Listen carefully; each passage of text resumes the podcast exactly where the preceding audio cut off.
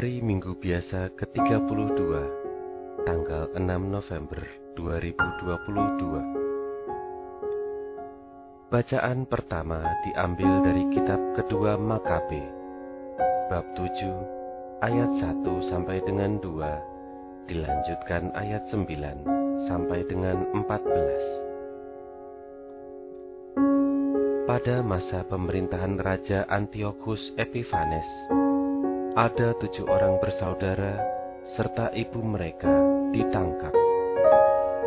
Dengan siksaan cambuk dan rotan, mereka dipaksa oleh sang raja untuk makan daging babi yang haram.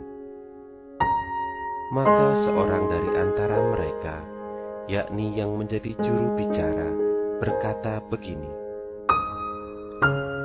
Apakah yang hendak Baginda tanyakan kepada kami?' Dan apakah yang hendak Baginda ketahui? Kami lebih senang mati daripada melanggar hukum nenek moyang. Ketika anak yang kedua hampir putus nyawanya, berkatalah ia, "Memang benar, bangsat, engkau dapat menghapus kami dari hidup di dunia ini, tetapi Raja Alam Semesta akan membangkitkan kami untuk kehidupan kekal." Oleh karena kami mati demi hukum-hukumnya. Sesudah itu anak yang ketiga disengsarakan. Ketika diminta, segera dikeluarkannya lidahnya, dan dengan berani dikedangkannya tangannya juga.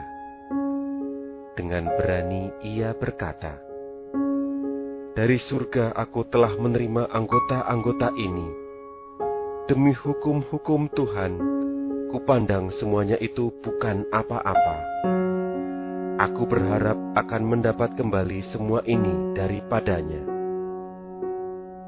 Sampai-sampai sang raja sendiri serta pengiringnya tercengang-cengang atas semangat pemuda itu yang memandang kesengsaraannya bukan apa-apa. Sesudah yang ketiga berpulang, maka yang keempat disiksa dan dipuntungkan secara demikian pula.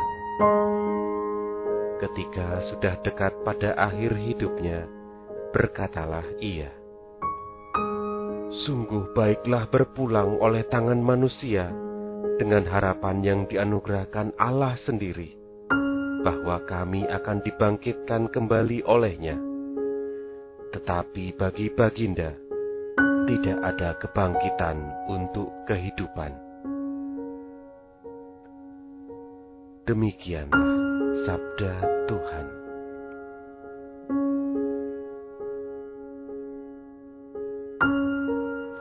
Bacaan kedua diambil dari surat kedua Rasul Paulus kepada jemaat di Tesalonika, bab 2 ayat 16 sampai dengan bab 3 ayat 5.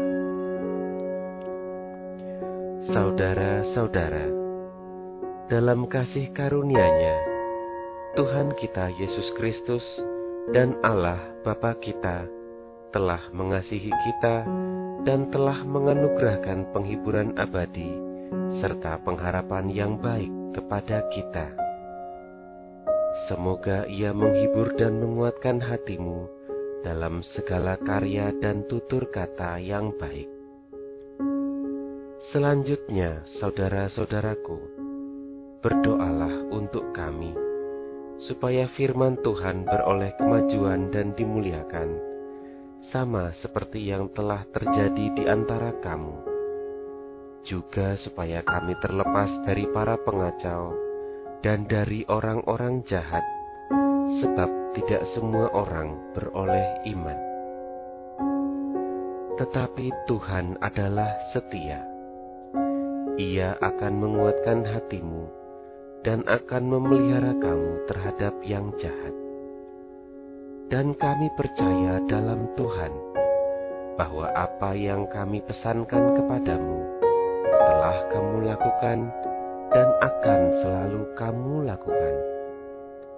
Kiranya Tuhan tetap mengarahkan hatimu kepada kasih Allah dan kepada ketabahan Kristus.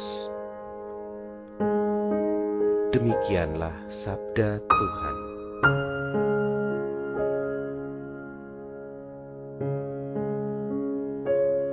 Bacaan Injil diambil dari Injil Lukas bab 20 ayat 27 sampai dengan 38.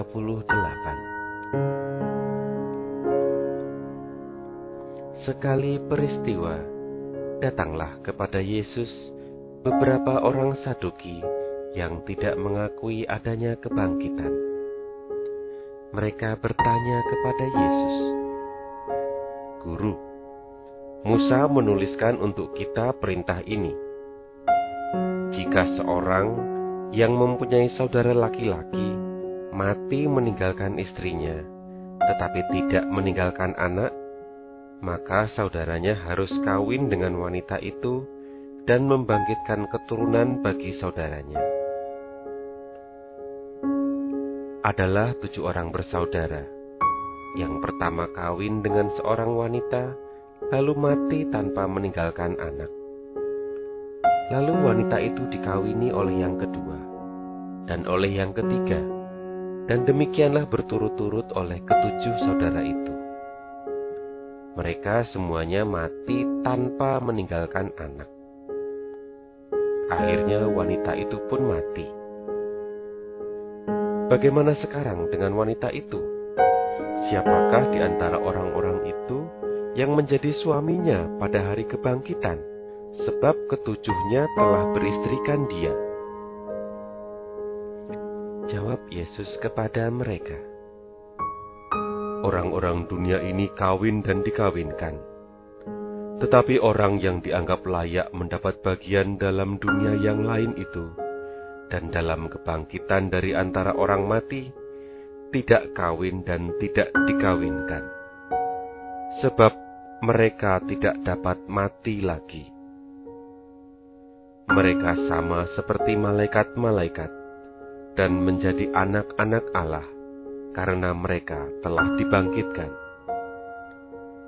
Tentang bangkitnya orang-orang mati, Musa telah memberitahukannya dalam Nas tentang semak duri, di mana Tuhan disebut Allah Abraham, Allah Ishak, dan Allah Yakub. Ia bukan Allah orang mati, melainkan Allah orang hidup, sebab di hadapan Dia semua orang hidup. Demikianlah sabda Tuhan.